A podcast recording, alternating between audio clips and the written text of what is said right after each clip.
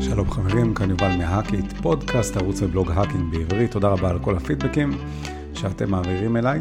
אה, היום אנחנו נדבר על מה שנקרא מתקפות צד לקוח, Client Side Attacks. אז מה שזה אומר בעצם, אה, רגע, לפני שנגיד מה זה אומר, אנחנו נדבר על מתקפות צד לקוח, ניתן דוגמאות, מה זה, איך זה עובד, למה זה חשוב, איך זה יכול לשמש אותנו, מה הקשר של זה לאופיס, מייקרוסופט אופיס, וכמובן אנחנו גם ניתן דוגמה לאיזשהו framework, איזושהי מסגרת תוכנתית שמאפשרת לבצע מגוון של מתקפות כלפי משתמשים. נגיד שוב שאנחנו מדברים רק על מקרים אתיים, אנחנו לא מעודדים בשום פנים, בשום אופן, פעולות לא חוקיות.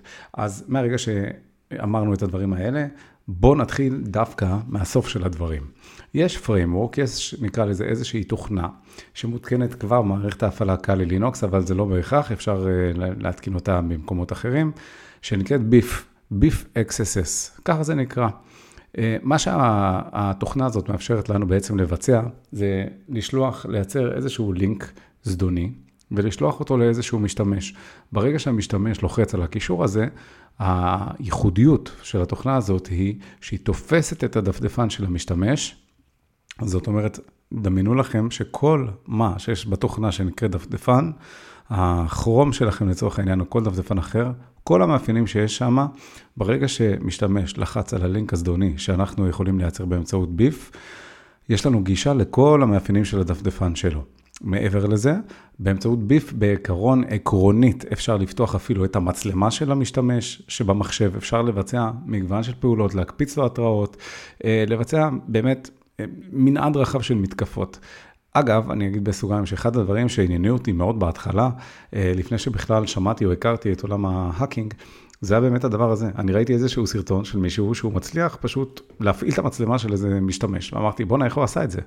ובדיעבד אני יודע שהוא השתמש פשוט בביף. עכשיו, זה היה סימולציה, כן? זה לא היה משהו אמיתי ש... שהוא באמת תקף מישהו, אבל כסימולציה, הוא הצליח להפעיל את המצלמה דרך איזושהי תוכנה. הצליח להפעיל אותה מרחוק, וזה מאוד עניין אותי.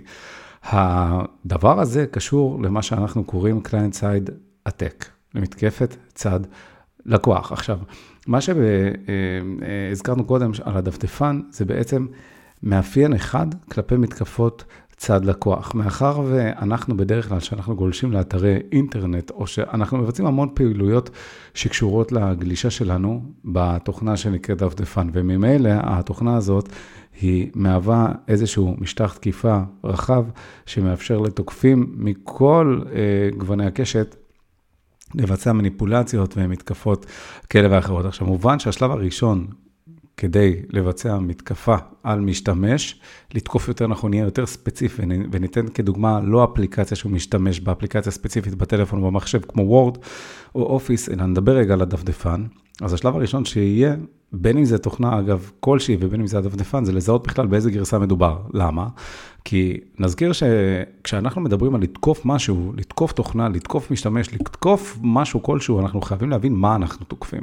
וכשאנחנו אומרים, מה, כשאנחנו מדברים על מה אנחנו תוקפים, אנחנו בעצם מדברים על תוכנה מסוימת, שזה כמו שאנחנו אומרים דפדפן, בגרסה מסוימת. זאת אומרת, האם התוכנה הזאת היא Mac, אה, מותקנת על Mac או על OS, אה, על אה, Windows, סליחה, איזה מערכת הפעלה, מה הגרסה של הדפדפן, אם, הרי בסוף הדפדפן זה איזושהי תוכנה, ויש פגיעויות ויש חולשות בגרסאות מסוימות של קוד שנכתבו במוצר הזה שנקרא דפדפן.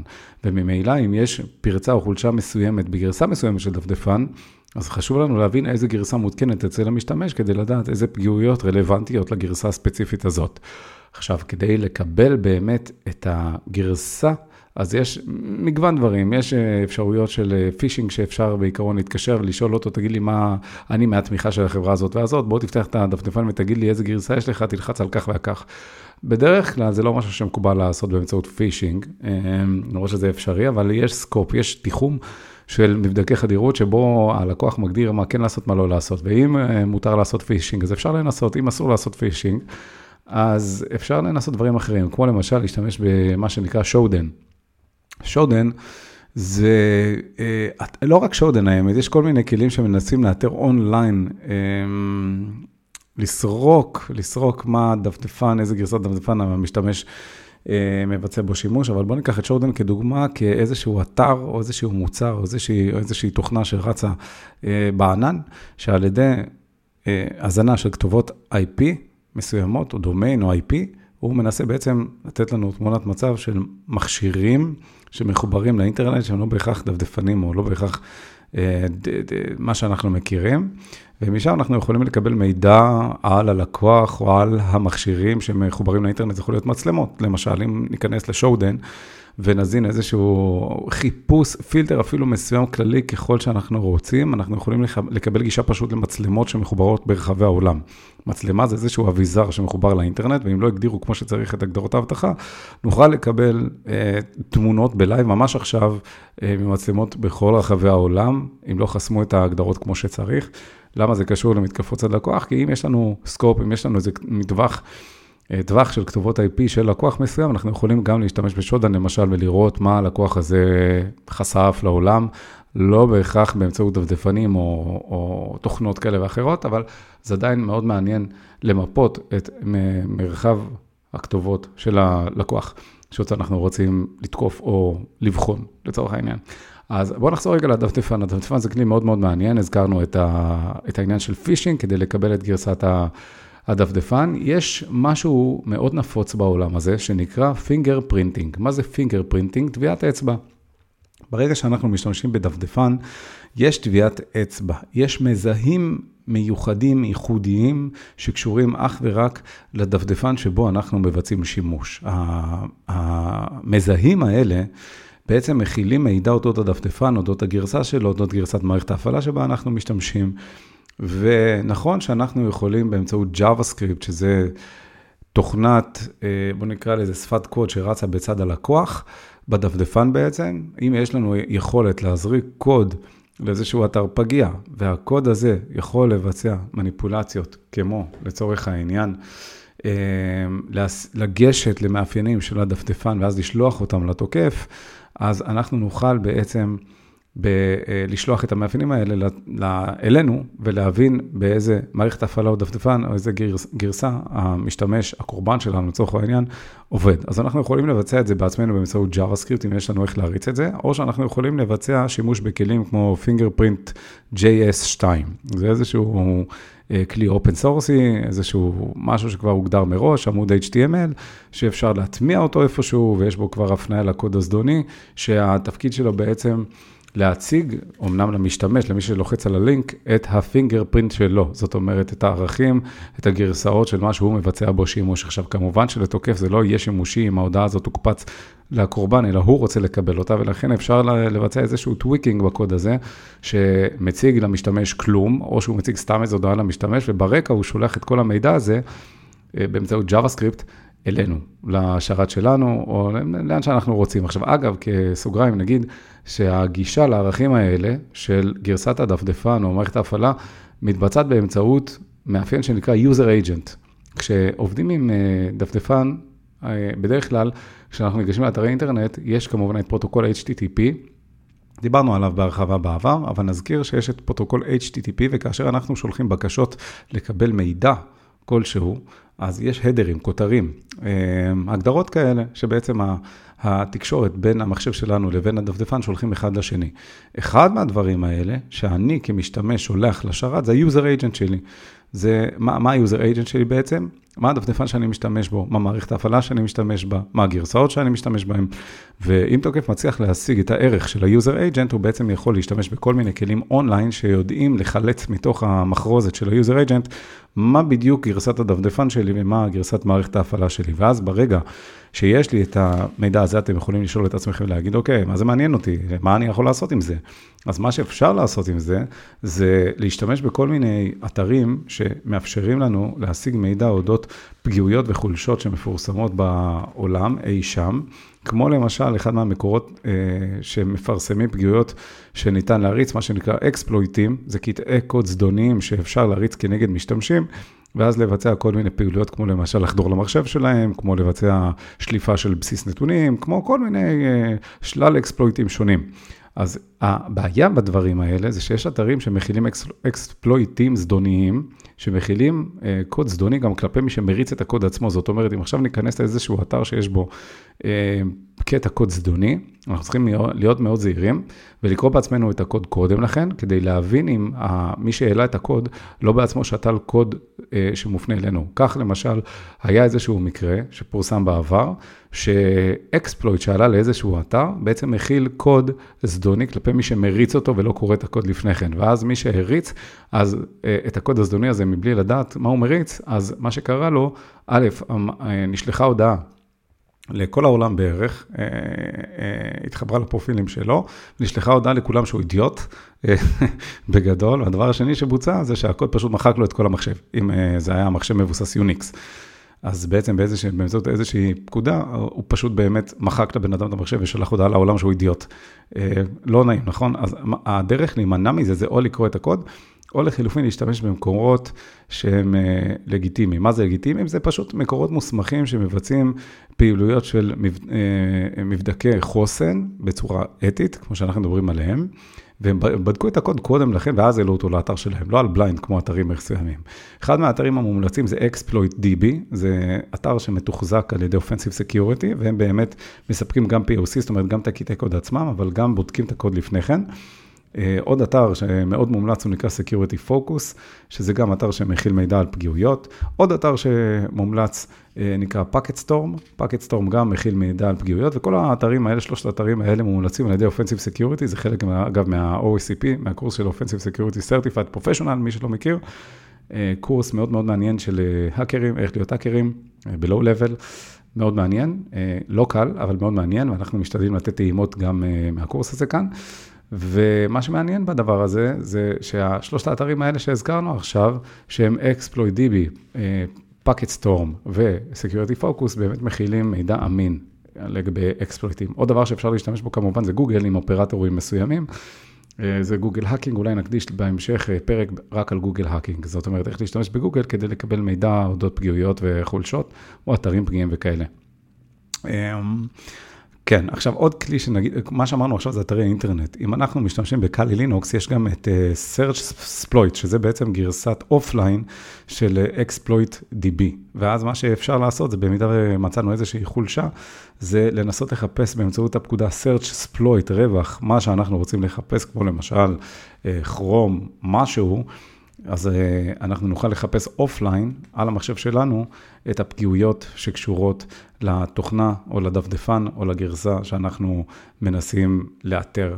עוד כלי, אגב, שאפשר לבצע בו שימוש זה Nmap, דיברנו עליו בעבר. יש אפילו סרטון ביוטיוב שיצרתי באתר שלנו, בערוץ שלנו, יותר נכון, של האקיט. על איך משתמשים ב-Nmap במסגרת מבדקי חדירות, אבל יש שם אפשרות, נגיד רק במילה, לקסטם כל מיני סקריפטים, להשתמש בסקריפטים מוכנים מראש. אה, וגם ב-NNMAP עצמה, בתוכנה עצמה, יש תיקייה של סקריפט, ושם אפשר לבצע חיפוש גם על אקספלויטים אה, כאלה ואחרים. זה גם, גם כלי שאפשר לבצע בו שימוש. אז ככה, על הדרך הזכרנו עכשיו כמה כלים ומקורות שאפשר להשתמש בהם כדי לחפש קטעי קוד זדונים, מה שאנחנו קוראים אקספלויטים. סבבה? סבבה. אז למה אמרנו את זה? כי אמרנו שאם יש לנו דפדפן בגרסה מסוימת, אנחנו, המטרה הבאה שלנו תהיה באמת לחפש אקספלויטים שרצים שבהם נוכל לבצע שימוש כדי לתקוף את הדפדפן של המשתמש. וזה אפשר באמצעות הקבלה של הפינגר פרינט, יש לנו את הכלי שנקרא פינגר פרינט JS2, שיכול להביא לנו בעצם את המחרוזת של ה-user agent מהמשתמשים, ואז עם זה אנחנו יכולים לבצע שימוש ב-exploit.db או ב-searchsploit או במקומות אחרים, ומשם לחפש אקספלויטים נוספים, שבהם נוכל לבצע שימוש כנגד המשתמש שמשתמש בדפדפן בגרסה הספציפית הזאת, וכך באמצעות להריץ מגוון של פקודות אה, זדוניות שאנחנו יכולים אה, לתקוף אותו. עכשיו, אה, עוד דבר נוסף שאנחנו יכולים לדבר עליו, אנחנו כן הזכרנו במילה, אולי בקצת יותר ממילה, אבל את BeEF, BeEF זה ה framework שדיברנו עליו, BeEF XSS, הוא מנצל בעצם את העובדה שאפשר להשתמש ב-XSS, שזה מה שאמרנו, קישור מסוים שמישהו לוחץ עליו, ואז ברגע ש... משתמש מסוים לוחץ על הקישור הזדוני הזה, והדפדפן ניגש לאתר מסוים זדוני שמכיל קובץ JavaScript זדוני, אז כל עוד המשתמש מחובר לדפדפן, אנחנו נוכל לקבל גישה לדפדפן של הלקוח. ואתם יכולים להגיד בצדק, אבל מה זה מעניין? מה אנחנו יכולים להשיג באמצעות זה? אז כמו שאמרנו, אנחנו יכולים לקבל גישה ל-local storage של הבן אדם לצורך העניין, לכל ה storage שיש בדפדפן. אם יש לו קוקיז מסוימים, אם יש לו כל מיני מידע רגיש שיכול להישמר בצד ה client, אז אנחנו יכולים לגשת באמצעות BeEF למידע הזה, אנחנו יכולים לנסות לגשת למצלמה שלו, אנחנו יכולים לנסות לגשת אפילו ל localhost שלו, למחשב עצמו. אנחנו יכולים לנסות לקבל מידע אודות... אה, פגיעויות נוספות שרלוונטיות לדפדפן ולגרסאות שרצות על הדפדפן של הלקוח או לטאבים השונים שפתוחים אצלו. זה כלי מאוד מאוד מעניין, שכדאי באמת להרחיב את, השימ... את, ה... את הארסנל של הכלים שלנו. אה, אודותיו, אולי אני אעשה את זה באמת בנוסף לפרק הקודם שדיברנו על buffer overflow, והבטחתי שאני אצור עליו סרטון, אז אני אעשה את זה באמת גם buffer overflow וגם ל BeEF, זה יהיה מאוד מאוד מעניין. אז זה במילה דפדפן ועל client side attacks, על פישינג הזכרנו גם כרגע, זה מתקף, פישינג זה, אני פחות אוהב להתעסק עם פישינג, אה, מה שנקרא היום הנדסה חברתית, כל מיני שמות מפוצצים לדברים שהם די אה, הזויים, נקרא לזה ככה, למרות שתדעו לכם שפישינג זה מתקפה נורא פשוטה, ואנשים יכולים ליפול בה בקלות. אני מכיר, אה, יצא לי לקרוא סיפור יותר נכון, אני לא מכיר, אבל יצא לי לקרוא סיפור אודות איזשהו בחורצ'יק שקיבל דוח.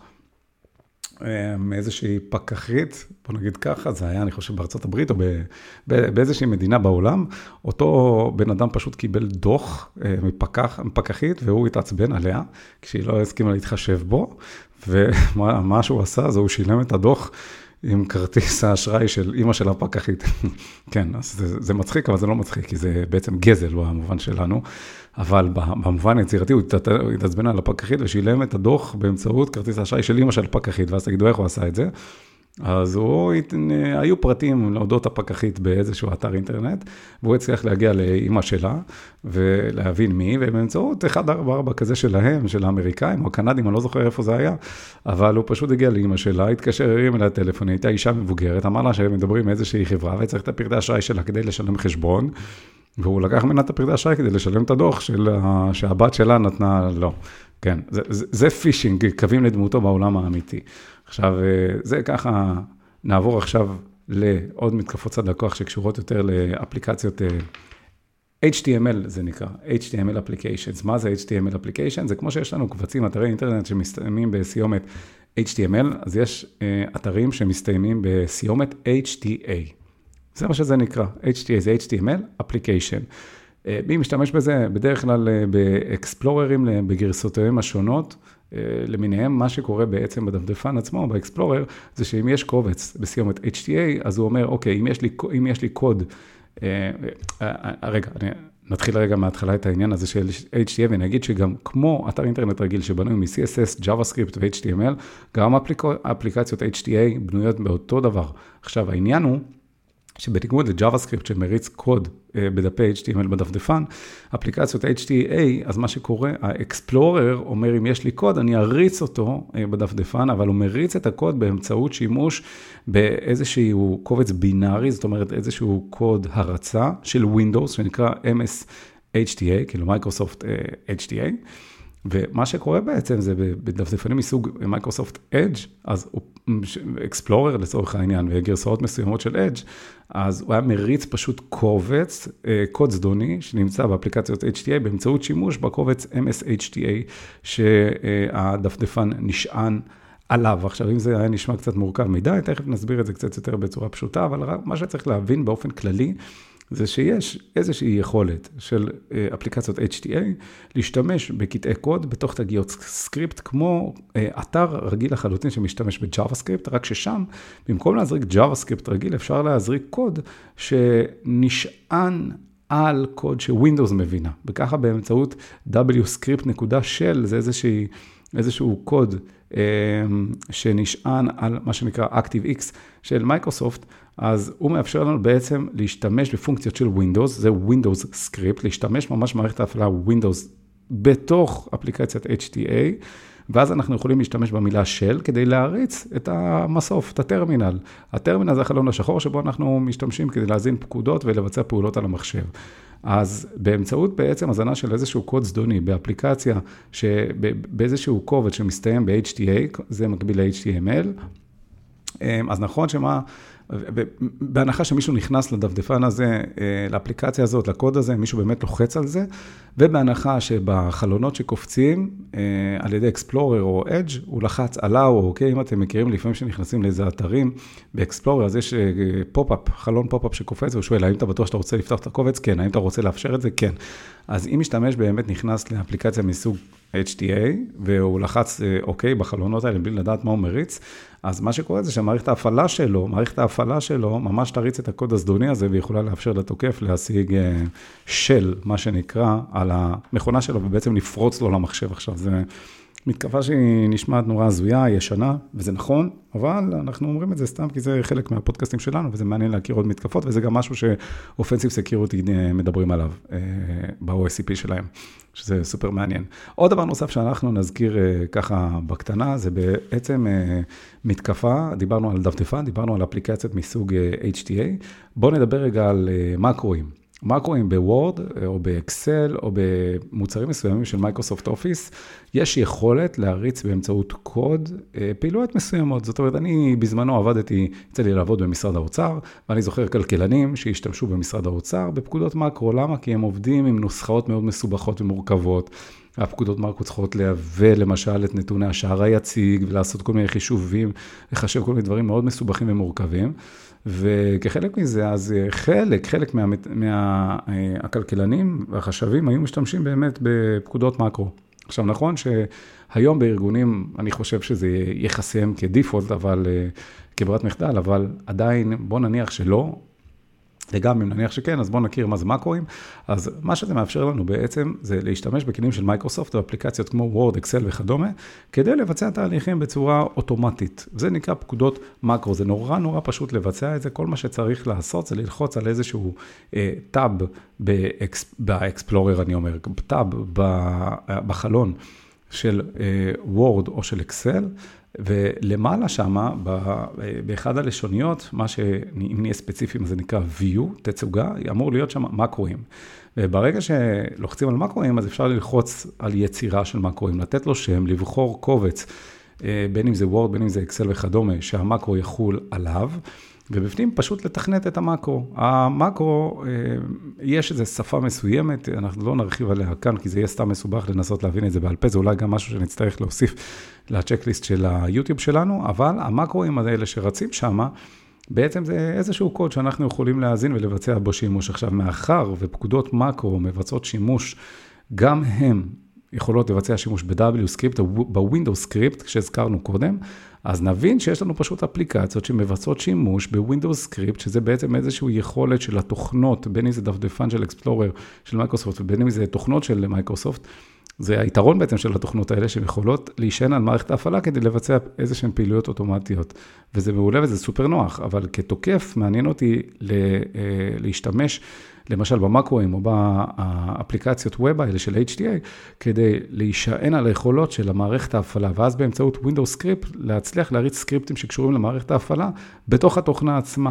ואז מה שאני אוכל לעשות זה ליצור איזשהו קובץ וורד או איזשהו קובץ אקסל עם מקרו, שהמקרו הזה, משהו, התפקיד שלו יהיה, זה להריץ אה, אה, את הקוד הזה שנקרא wscript.shell.run, ואז CMD, אני כאילו מריץ עוד פעם פקודה של מה שנקרא, שבאמצעותו אנחנו יכולים לבצע פעילויות. פעולות שקשורות אה, אה, למערכת ההפעלה של הלקוח. עכשיו, זה, אתם יכולים להגיד, אוקיי, סבבה, אז הרצנו של, הרצנו, הגענו לטרמינל, הגענו למשהו של מערכת ההפעלה של ה... של ה מה זה עוזר לי? כי לא אם הצלחתי להריץ פשוט פקודה אחת של CMD למשל, פתחת איזשהו חלון, יופי, זה לא מעניין, אז הקפצת חלון למשתמש. נכון, זה לא מעניין, אבל אם אנחנו נצליח להריץ את החלון הזה תוך שימוש במה שנקרא PowerShell, ש-PowerShell זה כלי מאוד חזק שמאפשר לתוקף להריץ פקודות על המחשב של הלקוח, זה כבר הופך להיות סופר מעניין. אני אגיד שוב למה אני מתכוון. אם אני עכשיו מריץ, אה, מפעיל איזשהו שרת, איזשהו listener, אתם זוכרים, דיברנו בעבר בפרקים הקודמים, שיש מה שנקרא listener, יש יכולת של תוכנה להאזין לבקשות. אז אם עכשיו יש לי מחשב של תוקף, ואני פותח listener, מה זה נקרא? אני משתמש בתוכנה שנקראת נטקט, שמה שהיא עושה, היא סך הכל פותחת פורט, דיברנו גם על פורטים בפרקים הקודמים, אם אתם לא יודעים מה אני מדבר, וזה סינטי, תסדכו לפרקים הקודמים של ה, אה, שאנחנו מדברים על פורטים ותקשורת וכל הדברים האלה, אבל באופן כללי, כשהמחשב שלי עכשיו פותח פורט, נגיד 1337, סתם כדוגמה, אה, אה, הוא פותח את הפורט הזה ועכשיו הוא אומר, אוקיי, בכל פעם שמישהו יפנה לכתובת שלי, למחשב שלי, בפורט 1337, אה, אני, אני מחכה פשוט לבקשות, אני רוצה לחכות לבקשות בפורט הזה, אני מחכה שאנשים יפנו אליי בפורט הזה, ומה יקרה כשמישהו יפנה אליי? אני פשוט אציג את מה שהוא עושה. אז נגיד אני עכשיו פותח יכולת האזנה, נקרא לזה listener, ופורט 1337, מה שנקרא ליט, סתם, זה סתם כהשער הכללית. אז מה שיקרה, ברגע שאני אשלח למישהו את הקובץ הזדוני הזה, בין אם זה ה-Word, בין אם זה ה-Excel, בין עם המקרואים, בין אם זה הקובץ HTA הזדוני, ומישהו באמת לחץ, אז הקוד הזדוני לצורך העניין, יבצע אה, פנייה אליי, למחשב שלי, של התוקף, לפורט, בפורט 1337, כי זה מה שאני הגדרתי בקוד הזדוני שלי. ומאחר והצלחתי להריץ אה, יכולת של PowerShell אה, עם W-Script, זאת אומרת, מאחר והצלחתי באמת בקוד הזדוני שלי לשתול איזושהי יכולת שתאפשר לי להריץ פקודות על המחשב שלו, אז ברגע שבוצעה פנייה למחשב שלי, בעצם הקורבן עצמו פנה אליי בצורה אוטומטית, אז אני בצורה מאוד מגניבה יכול כבר אה, לנצל את זה שהוא פנה אליי ולהתחיל להריץ לו פקודות על המחשב שלו. סופר מעניין, סופר מגניב. אמ, זה ככה במילה על Client Side Attacks. דבר אחרון, אני חושב שאנחנו נסיים בו, הוא נקרא, אה, אני מתלבט אם נדבר על זה או לא, אבל בואו נדבר על זה, אתם יודעים מה? עוד דרך להתעלל, נקרא לזה, אה, במייקרוסופט, זה נקרא באמצעות Object Linking and Embedding. מה זה אומר? נשמע מפוצץ, נשמע מסובך. לא באמת. אה, מה שאפשר לעשות בעיקרון זה לנצל יכולת של מייקרוסופט להשתמש בשפת סקריפטינג מאוד אה, ישנה, שנקראת VB, Visual Basic Script. איזושהי שפת תכנות ישנה מאוד מאוד מאוד מאוד, שאם חלקכם מכירים, משתמשת בקבצים בסיומת BAT, BAT. אה, עכשיו, השימוש בזה, אני, אני לא ארחיב את זה יותר מדי, זה נקרא, מה, מה שנקרא באצ'ים, כן? זה קבצי באץ'. אה, מה זה אומר? אה, אה, לא נרחיב על זה כרגע, אני לא ארחיב על זה, אבל מה שכן אני אגיד, זה שאפשר פשוט ליצור איזשהו קובץ שבסיומת BAT, לשתול שם איזשהו סקריפט לצורך העניין, לצרף, לשנות את השם של הקובץ BAT לסיומת של אקסל, למשל, לצורך העניין אקסל או XLS או מה שאנחנו רוצים.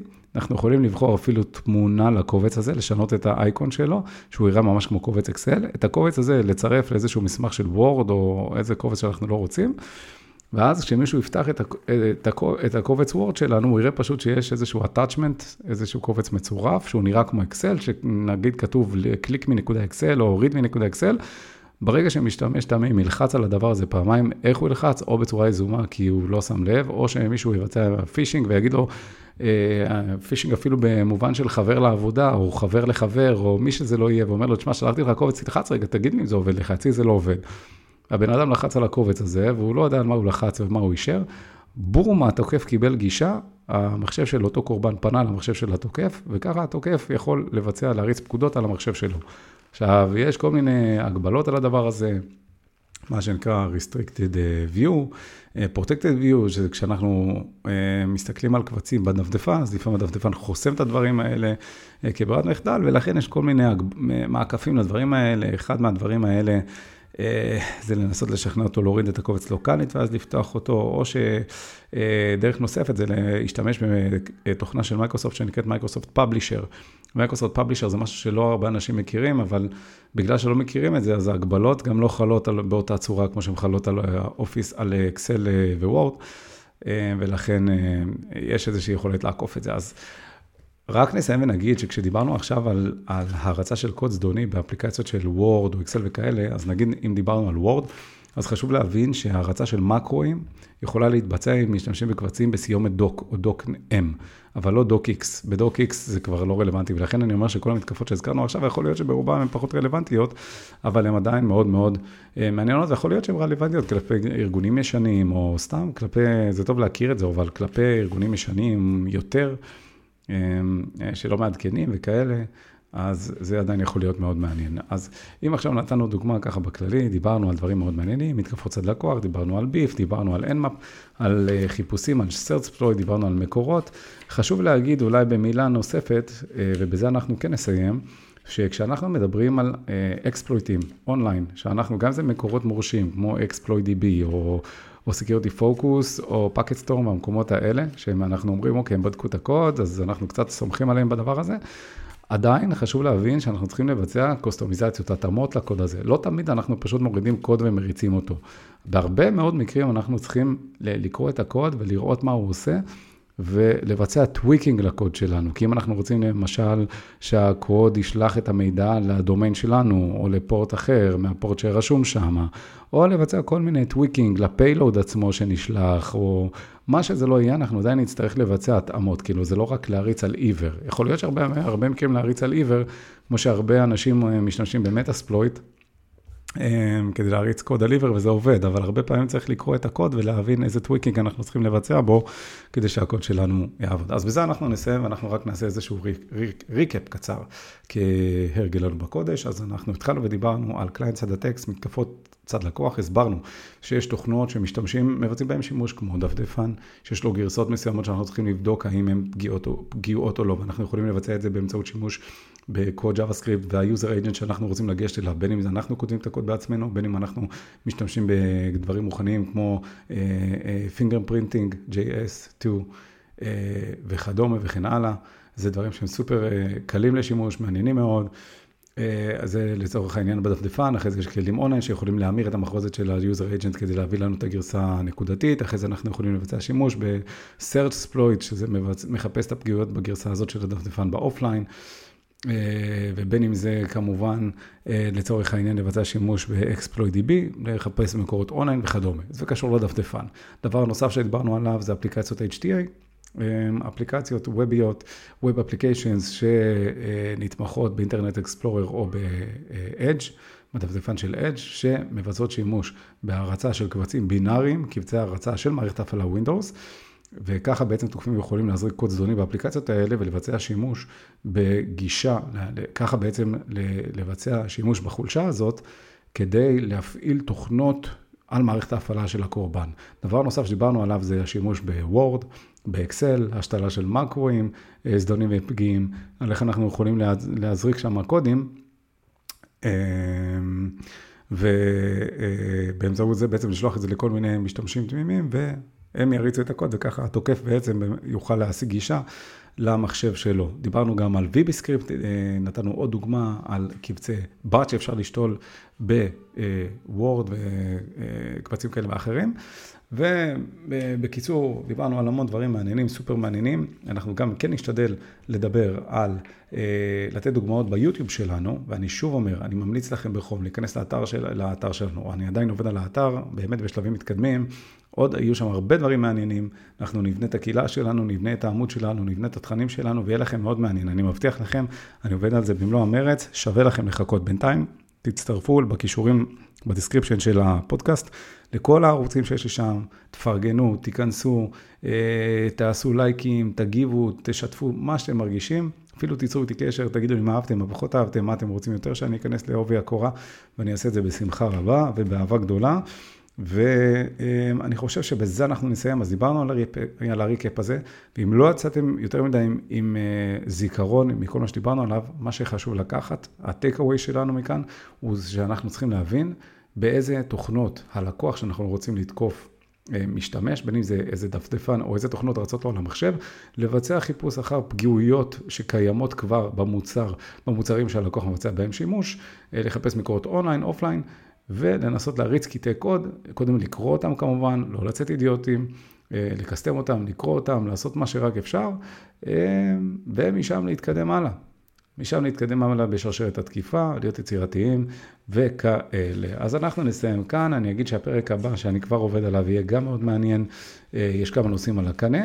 אני מאמין שבפרק הקרוב אנחנו נדבר על אנטיווירוס איבייז'ן, על איך אנחנו יכולים לעקוף אנטיווירוסים, איך אפשר בעצם להתחמק מהם, איך אפשר להתחכם, איך אפשר לעשות דברים מעניינים.